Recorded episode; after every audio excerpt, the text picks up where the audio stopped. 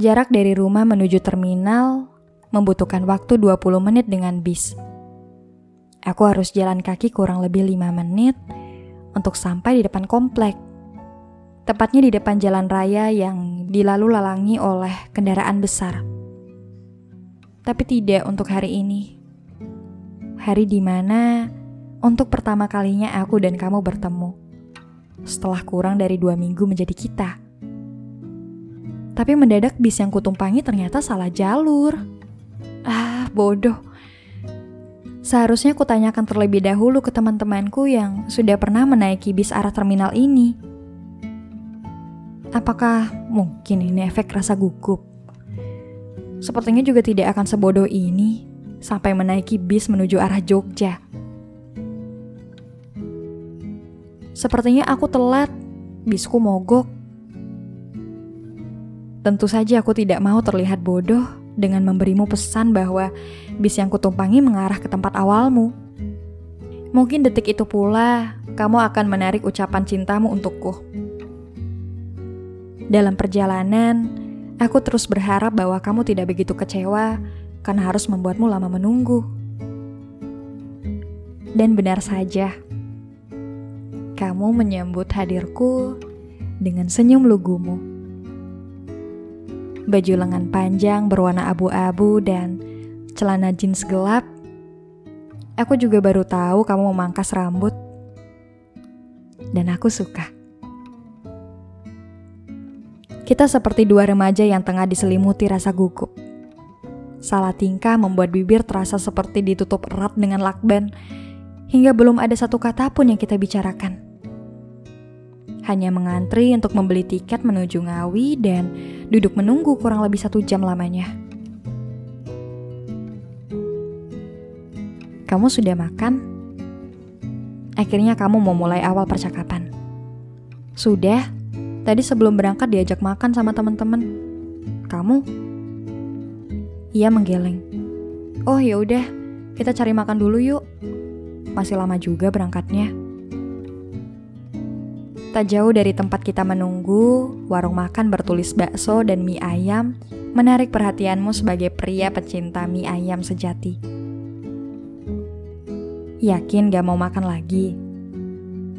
Aku liatin kamu mukbang aja deh. Tak lama setelah menemanimu makan, bis yang kita tunggu datang. Ada dua sisi tempat duduk. Di satu sisi tempat duduk untuk tiga penumpang dan di sisi lainnya untuk dua penumpang. Walau ada kesialan di awal perjalanan, tapi untungnya kali ini bis dengan jalur yang benar memberi kita sisi yang tepat untuk dua orang yang baru saja berkencan. Lagi-lagi kita dihadapkan dengan suasana canggung hingga tak banyak berbicara. Apalagi di transportasi umum seperti ini. Banyak orang yang lebih memilih tidur hingga membuat yang terjaga memilih menghormati orang-orang yang beristirahat. Tiba-tiba ideku muncul. Mau dengerin lagu nggak? Boleh.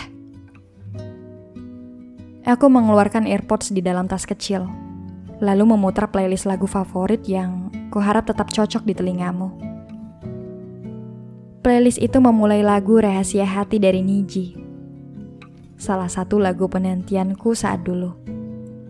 Tapi hari ini, lagu ini berubah menjadi lagu cinta pertama yang ku kenang menjadi lagu kita. Tanpa sadar, tangan kita telah terpaut. Membuatku berteriak kencang dalam hati, menahan debar yang ternyata sedikit menyakitkan. Namun indah. Bahkan tanpa perlu percakapan panjang dengan topik basa-basi. Tetap membuatku merasa dekat denganmu.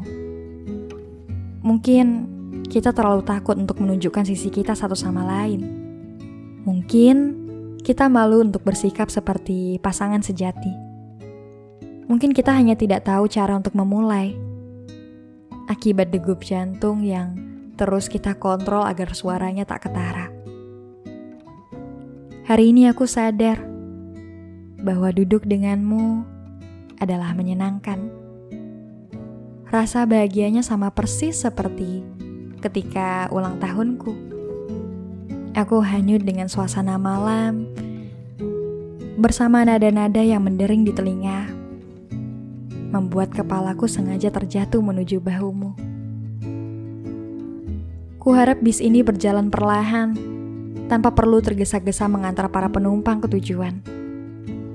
Karena di sini ada dua sejoli yang ingin menghentikan waktu hanya untuk berlama-lama duduk bersandingan.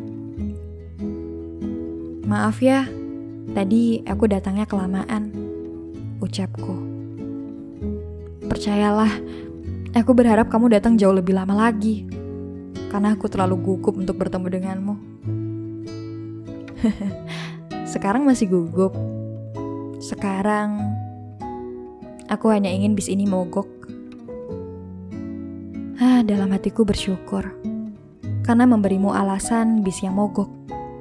Jika candaannya tentang bis yang salah arah, bukankah menjadi aneh?